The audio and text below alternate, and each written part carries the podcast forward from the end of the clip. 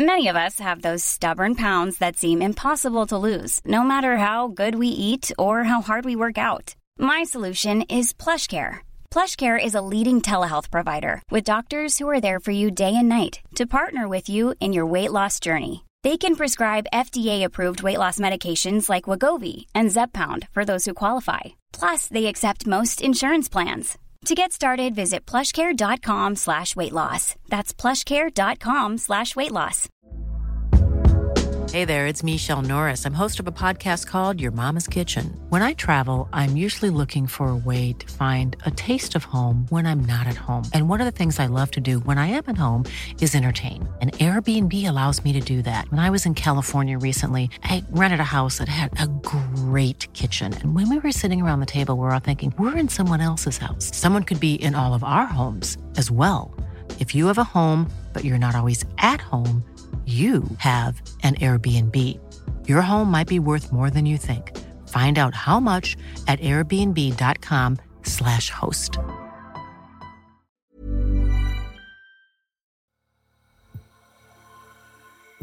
Så har han gjort Tapiovarmanen eh, hela vägen till Finlandsfärjan. Typ. Alltså det, det var... Nej, alltså det var helt sanslöst. Eh, Allting bara förändras på 90 minuter. Det var helt sjukt. Han gör kaos med dem liksom. Idag är han en allsvensk spelare som nosar på ett osannolikt genombrott. Men länge var han en lokal fotbollsstjärna och ett enda stort mysterium. Nu avslöjar John Bosco Samuel Kalou hemligheten som han burit på i flera år. always asking me why play and why they ask me a lot what is up even some of my friends they told me what, what are you still doing and so then they want some of them don't know the situation Fotbollskanalen åkte till Småland för att lyssna till en historia om hur en nigeriansk jättetalang fastnade i en kriminell mans grepp och till slut blev utvisad från Sverige. there was a time it was like really rough like i do like very little hours very little hours in the day. And it's still even when you calculate everything in the month it's not up to like six six thousand. But even I, inside the six thousand i didn't get paid the, that six thousand Men det här är också en berättelse om människorna som räddade honom. Men när man reflekterar i efterhand så förstår man vad han menar, varför han inte litade på någon. Du lyssnar på andra avsnittet av Mysteriet Kalou.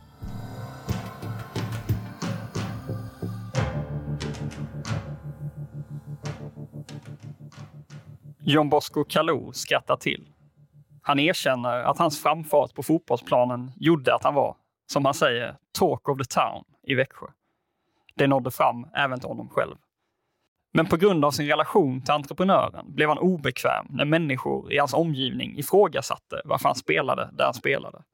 Inte sällan kom nyfikna fotbollsintresserade personer fram och undrade. I used to dodge some people for that. I used to like when I, I see some people coming, I try to like take some other part.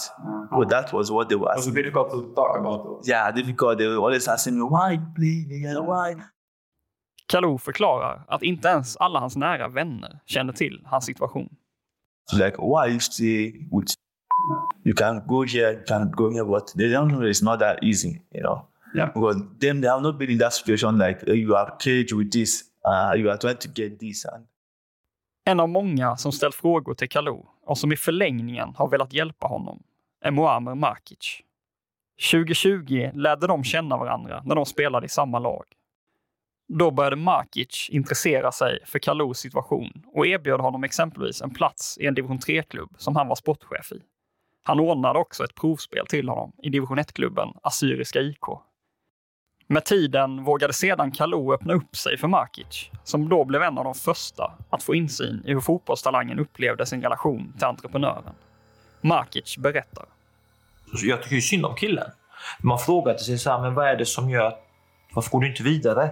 Och då började man liksom nysta i saker, man fick höra lite mera utav det ena och det andra. Och sen då berättar han ju då liksom eh, att han väntar på sina fyra sista, att han inte kan byta jobb. Uh, byter han eh, lag så kommer han bli av med jobbet. Så då kommer han då gå till Migrationsverket och liksom säga nej men han här får inte vara kvar här. Han skrämde honom helt enkelt, eh, berättar han då för mig. Och det var där man började fatta liksom hela historien. Liksom. Jag vill hjälpa dig. Problemet är ju att han sa till mig så här, ah, men det är många som har sagt att de ska hjälpa mig. Och då förstår inte jag liksom, ah, men jag, folk kan ha lovat guld och gröna skogar. Men när man reflekterar i efterhand så förstår man vad han menar, varför han inte litade på någon. Redan 2018 hade Kalou hopp om att jobbet hos entreprenören skulle leda till ett beviljat arbets och uppehållstillstånd. Men tiden gick och någon tumme upp från Migrationsverket kom aldrig. För Kalou blev det en utdragen process och en situation präglad av osäkerhet. Den ständiga väntan på ett besked från myndighetshåll tärde på honom. Han berättar att han inte vågade söka något annat jobb och på så vis slå sig fri från entreprenören eftersom det hade tvingat honom till att börja om från början i kontakten med Migrationsverket. Att lämna in en ny ansökan såg han inte som ett alternativ. Det var för riskfyllt. Kalou behövde också jobbet för att överleva. Ända sedan flytten till Växjö hade han levt knapert. Det är tydligt att han överhuvudtaget inte vill klaga på sin tillvaro, men han förklarar exempelvis att han vid tillfällen då han inte haft tillräckligt med pengar fått hjälp av vänner att mätta sin mage. När han bodde i Växjö gick han till en nigeriansk kyrka varje söndag och där lärde han känna många landsmän. If you don't have anything, if you don't have a job, if you don't have anything, you go to those people's have, house. Yeah, you they can, you can feed. So Yeah. you're from the same tribe, you know, not only from the same country, from the same tribe. So they know how the country is, and it's not easy at the beginning. So they they take care of you at the beginning. Lönen som Kalou fick för jobbet hos entreprenören gav honom till en början runt 10 000 kronor i månaden efter skatt. Han hjälpte till med olika former av arbetsuppgifter kopplat till företagarens café och restaurangverksamhet.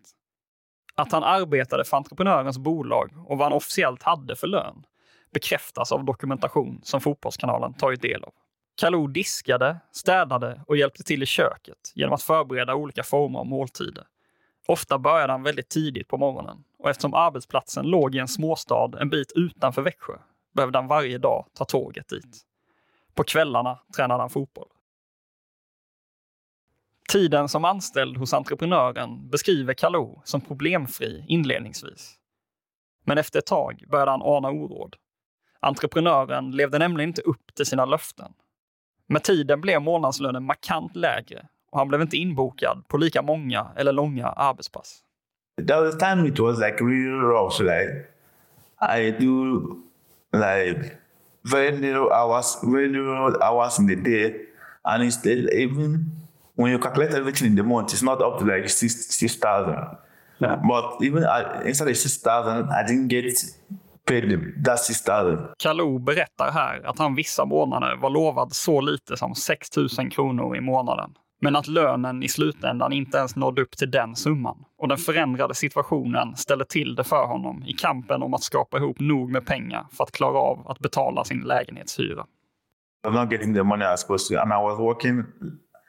There was time they started cutting my hours, you know. Yeah. And I was just trying to like see if I can just be, you know, even me be getting the money, I'll be using to pay my rent because that's the most important thing. Food, I can get it from anywhere. I can go to my friends and eat. I can, but the rent, Yeah. you know, nobody's gonna like give you the money to pay rent in Sweden. Det Kalou inte visste om då var hur illa ställt det var med entreprenörens företag och vad som egentligen pågick bakom kulisserna. I efterhand har det visat sig att entreprenören drev sina bolag på ett brottsligt vis. 2019 inledde Ekobrottsmyndigheten en utredning om hans verksamheter och två år senare dömdes entreprenören till fängelse i ett år för grov ekonomisk brottslighet. Tingsrättens dom överklagades till hovrätten som sedan fastställde domen 2022.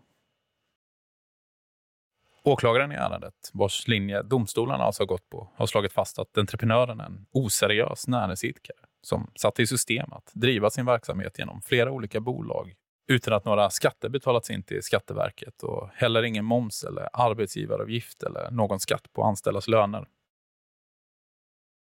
Vidare har åklagaren hävdat att entreprenören systematiskt drivit sina bolag mot konkurs och att han skrivit över det företaget på så kallade målvakter när konkursen har varit nära. Det för att kunna undgå betalningsansvar och bokföringsansvar. Entreprenören motsatte sig åklagarens bild av situationen och har försvarat sig genom att framföra att han aldrig haft någon strategi eller tanke bakom sitt agerande. Han har bland annat hävdat att han aldrig planerat att skapa det uppläggen som åklagaren ger sken av att han har haft.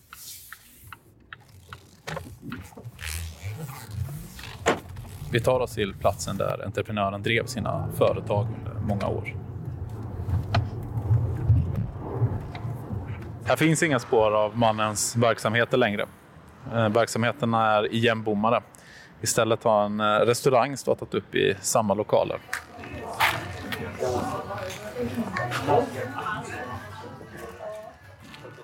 Att entreprenörens bolag hamnade under lupp och att han utreddes för brott skapade problem för honom. Redan innan tingsrättens dom föll fick han lägga ner sina verksamheter, vilket också fick konsekvenser för John Bosco Kalou. At the beginning, he was like paying me, you know, it was going good. Eh, Then I don't know. He get himself in some problem uh, with the government. Then it started affecting me. I förlängningen förlorade Kalou sitt jobb i samband med att entreprenören tvingades stänga ner arbetsplatsen. Månader som följde därefter blev utmanande för Kalou som vid tidpunkten hyrde ett rum hos en äldre man i Växjö. Definitely a tough time. When I quit the job because there's, uh, there's no source of income and you cannot go meeting people for money. Yeah. That is it is about some of my friends they help they help me like with some cash at the moment. Yeah. But the owner of the house where I rented, like he's, he was he was patient. Aha. Yeah, he was patient till I, you know, sort myself out a little bit before I went back to Nigeria. Then I pay him off. Every day I'll, I'll be grateful to him. You know, you know he's he, he's very understanding, and thank God I have like the place I'm living. The man he understands. He give me some times to like to gather money to pay. I och med att jobbet gick upp i rök hade Kalou heller inget anställningsavtal att visa upp för Migrationsverket. Inte nog med att han blev av med sitt levebröd. Han fick då även ett tungt besked från myndigheten gällande sin ansökan om arbets och uppehållstillstånd. Svaret blev nämligen återigen en tumme ner och därefter levde Kalu på lånad tid i Sverige.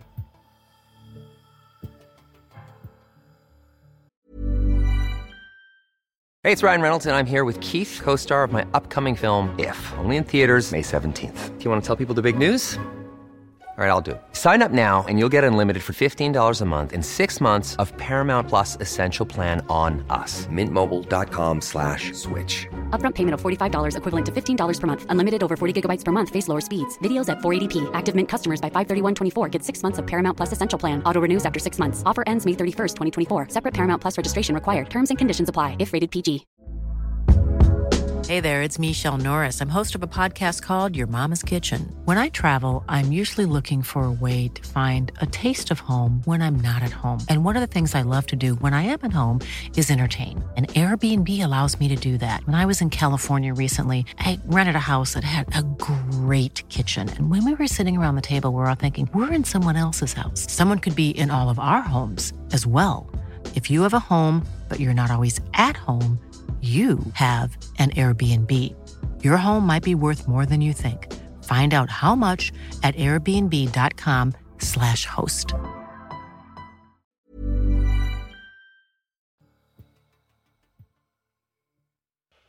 Någon framtid i landet fanns alltså inte för Kalou. Men det faktum att entreprenören tappat sitt grepp om honom i och med den nämnda rättsprocessen gjorde att andra dörrar öppnades för nigerianen. Sedan tidigare hade fotbollsspelaren berättat om sin hemlighet för Muammar Makic och nu fick han även hjälp av Makics gode vän, Gustav Lundholm. Vid tidpunkten var Lundholm, som tidigare hade försökt värva Kalou till andra klubbar i Växjöområdet, tränare för stadens näst bästa lag, Repe Goif i division 2. Laget bjöd under slutet av 2021 in Kalou till träning med förhoppning om att kunna knyta till sig honom fullt ut. Efter ett tag insåg dock Reppe att det med största sannolikhet inte var möjligt att värva Kalou eftersom att han inte kunde representera klubben och vid sidan av ha ett jobb som skulle ge honom ett arbets och uppehållstillstånd. Man försökte på olika vis att hitta lösningar på problemet men man stötte hela tiden på patrull. Trots insikten om att oddsen såg dåliga ut fick Kalou fortsätta träna med Reppe under hela vintern. Gustav Lundholm hade dessutom gett Kalou sitt ord. Han frågar ju mig ifall jag kan hjälpa honom att sätta mig in i hans, och hans liksom kontakt gentemot Migrationsverket och, och så. Vilket ju jag lovade vara oavsett om man spelar i, i rep eller inte. Liksom. Eh, för, för man vill ju människan väl. Lundholm var Kalous ombud när en sista överklagan lämnades in i kampen om att spelaren skulle få ett arbets och uppehållstillstånd. I dokumentet som skickades till Migrationsverket, vilket Fotbollskanalen tagit del av, påpekar Lundholm att Kalou har blivit förd bakom ljuset av sin tidigare arbetsgivare, det vill säga entreprenören.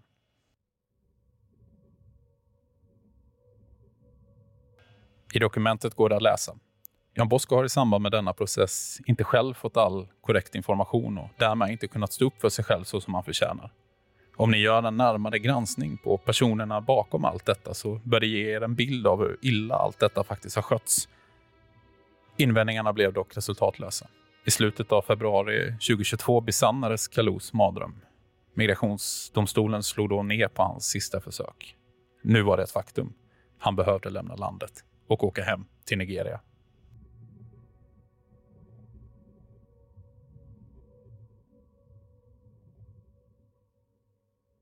When I get the redaction of the paper, I was furious. Kalou är fåordig om hur hans förutsättningar ser ut för att långsiktigt kunna leva i sitt hemland. Men det är tydligt att det inte är ett alternativ för honom. I Nigeria ser han helt enkelt inte en framtid av olika privata anledningar. Men återigen vinner Reppe tillbaka den och eh, Svärfors här nu. Söker Kalou. Kalou steget före. Ah, tar sig läckert förbi, spelar in den. Nej, det gör han inte alls. Jo, där kommer den till Henningsson som gör 2-0! Och det är det klassiska radarparet får vi ändå kalla dem Ja, nu efter det här. vilket Men vilket förarbete! förarbete av Kalou. Vi måste få kolla på reprisen och sen så serverade han den perfekt för Henningsson som inte kunde missa. Och Henningsson tvåmålsskytt. Att folk upptäcker honom över en natt. Det har aldrig varit med om liknande. Det är som att Filip Elg fortfarande knappt tror på vad det var som hände när han ser tillbaka på den där kylslagna vårkvällen i början av mars. Eh, Allting bara förändrats på 90 minuter. Det var helt sjukt. Alltså det var verkligen som att ingen hade en aning om vem han var inför. Alltså det var jättemycket Östersupportrar som inte bryr sig om Reppe så mycket då. Till att alla, varenda åskådare där, bara pratar om honom. Matchen han pratar om spelades på Värensvallens C-plan i Växjö. En helt vanlig konstgräsmatta utan läktare vid sidan om. Det var försäsong och den påpälsade publiken som trängdes runt sidlinjerna lär inte haft några större förväntningar på vad som väntade. Trots att Reppe skulle möta stadens stora elitlag, Östers IF. Reppe, Gustav Lundholm och Mohamed Markic hade under försäsongen tvingats inse att man behövde skifta fokus i kampen om att få Kalou att stanna kvar i Sverige.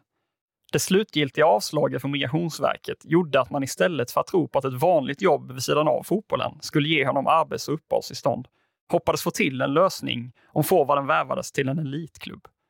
Kanske kunde myndigheten låta Kalou vara kvar om han kunde visa upp ett kontrakt som professionell fotbollsspelare. Därför lät Gustav Lundholm forwarden visa upp sig i flera träningsmatcher efter det tunga utvisningsbeskedet. Mot öster fick nigerianen sin stora chans att övertyga landets sportchefer. Och den där kvällen på C-planen skulle visa sig förändra hans liv för alltid. Filip Elg kommenterade matchen för Smålandspostens räkning. Han var spänd på att få se Kalou mot superettan-motstånd. Men han berättade att han samtidigt var, som han säger, lite orolig. Alla är väldigt mycket så här. Man vill honom väl. Det är en väldigt snäll och trevlig person och liksom har haft det väldigt jobbigt. Det här är människor man verkligen vill ska uppnå någonting. Eh, efter allt han gått igenom allting och vilken talang han besitter. Och då blev jag lite orolig inför att han kommer nog bli blottad här nu. Alltså eh, Måns Berg kommer bara köra ut armen så är han borta liksom. Men vi återkommer till Östermatchen lite senare. För det var inte så att Elg tvekade på Kalous kvaliteter. Han kände ju sedan tidigare väl till vilken nivå nigerianen höll. Och under samma vinter hade han golvats helt på nytt. El blev nämligen inringd till en internmatch med Reppe, precis när han själv lagt sina skor på hyllan. Och då fick han spela tillsammans med Kalou i ett ihopplockat lag. Och liksom, det, här var, det var ingen spelare som höll... Alltså, alla höll liksom, vi var liksom nedre division 3 på den, skulle jag säga, den elvan i snittet. Medan Reppe var liksom toppen av tvåan. Men Kalou är ju helt makalöst överlägsen. Vi har honom som vänsterytter. Jag spelar vänsterback. Och det var liksom, det var bara att ge honom bollen. Reppespelarna fick inte stopp på Kalou, oavsett vad de gjorde och hur mycket de smällde på. Det blev en rätt intensiv och grinig match fastän det bara var liksom att man skulle hålla igång. För att de märkte att han är så jäkla... Ja, men fan, de, kan, de vill inte tillåta det liksom. Eh, så det blev lite hetsigt så. Men han, du vet, till slut, folk i slutet bara stod och skrattade. Alltså i Reppe också. De bara, vad fan. Det, så här, det var någon, liksom Gustav Johansson som var kapten i många år. Eh, jättestor och stark i duellspel. Liksom sån som rubbar på alla. Alltså han bara flyttade på honom med liksom arm så att han ramlade och du vet, folk bara skrattade åt det. Så att det var liksom, det var en sanslös uppvisning. Internmatchen var långt ifrån den enda gången som Kalou bevisade sin talang, trots att han under försäsongen slet med en känning i baksida lår. Gustav Lundholm beskriver honom som helt överlägsen och tar upp en match mot division 2-laget Karlskrona då en halvskadad Kalou hoppade in i andra halvlek och vände på hela drabbningen. Och deras, det första de sa både spelarna och tränarna var liksom, vad fan var det där med? Man kunde kasta in liksom. Och då visste de, för vi var ju seriekonkurrenter och de tänkte att ni kommer ju springa över den här serien med honom i laget. Och så, mm. ja, troligtvis ja. Därefter väntade en träningsmatch mot division 1-laget Oddevold. Efter tio minuter fick Reppe sin lagkapten utvisad. Men trots det slutade tillställningen i en enda stor show. Av John Bosco Kalou. Så här, jag har aldrig sagt så själv, men jag, jag hade de tankarna i paus. Liksom, grabbar, ge Kalou bollen. Men det skulle man aldrig... Alltså, det blir ju nedvärderande mot de andra också, men man, man vill nästan säga det. Men jag tror att många spelare sa jag för så att vi ger Kalou bollen så löser han resten. Och det var ju typ så i andra halvlek. Även fast vi så att han var ju även då liksom helt överlägsen. Då mot Olderborn. 1 plus 1 ja. Så kom då matchen mot Öster. Kalou hade fortsatta problem med sin lårskada och kombinationen av att Reppes seriepremiär närmade sig och att klubben visste att man inte kunde värva honom gjorde att Gustav Lundholm tänkte sätta nigerianen på bänken. Kalou själv visade förståelse för beslutet. Men på matchdagen blev Andreas Birgersson, en av Reppes forwards, sjuk Plötsligt kastades Kalou rakt in i spel mot rutinerade superettanbackar som Jan Stenberg, Oliver Silverholt och Tato Värmanen. Och då hade han ju total lekstuga. Så snurrade han upp Tato Varmanen eh, hela vägen till Finlandsfärjan. Alltså det... I kommentatorsbåset satt Filip Elg. Han var i chock. Men han eh, slaktade ju dem i första halvlek. Totalt. Och gör två assist och de leder med 2-0 i paus. På, vi satt ju där i sändningsbussen och tittade ut. Alltså det var det enda folk, man hörde bara folk mumla om han nummer 18, det är han nummer 18 här igen. Det var det enda folk pratade om. Redan innan pausvilan vände sig Elg till sin kollega Dan Magnusson, för dagen expertkommentator, och tog till orda i sändningen.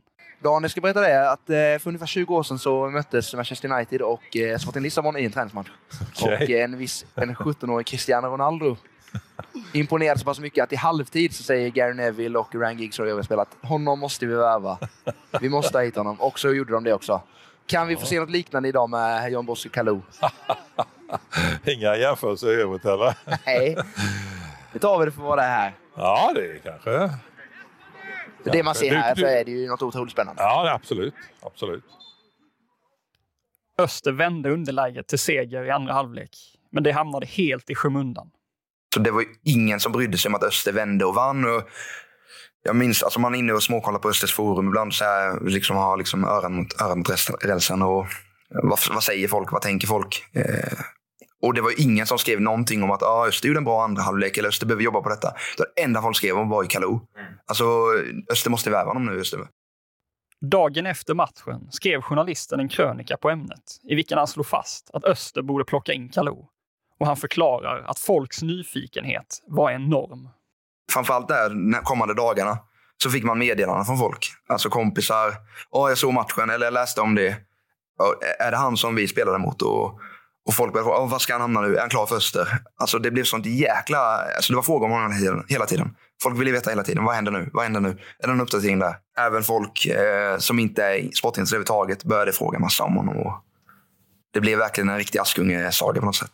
Även för Gustav Lundholm blev det tydligt att Kalous succé och historia väckte stort intresse. Han beskriver hur han hade en euforisk känsla för nigerianens skull efter Östermatchen. Man, som tränare var man stolt över sitt eget lag för att vi gjorde en så jäkla bra match mot Öster. Samtidigt som man var typ i, eufori för att liksom, Kalou fick möjligheten att visa upp sig och gjorde det på det här sättet. Och, jag menar, folk på, på jobbet som var där och kollade, för det var rätt mycket folk för att vara en träningsmatch. Liksom, vad fasen var det där för? Alltså det, det blev ju en sån jäkla snackis så snabbt. Att Kalou gjorde ett starkt intryck på många den där dagen på C-planen, det råder det inga tvivel om. Muamer Makic berättar att han blev helt mållös av det han fick se. Och liksom, det var, det var typ så här, ah, men detta är min chans för att liksom kunna göra någonting. Och ha allt det här i bagaget och ändå prestera det han presterade. Det är för mig kanske det starkaste intrycket någon någonsin gjort. Alltså så här, om man har kollat på fotboll, men så man tar alla som vi vet, alla som vi vet hans historia. Att liksom, okej, okay, gör du inte bra match här. För hade han inte gjort bra match där, då hade det inte blivit någonting med Värnamo också. För jag tror, hade han inte gjort den matchen mot Öster, det, det var liksom beviset att, att han verkligen kan på den nivån också.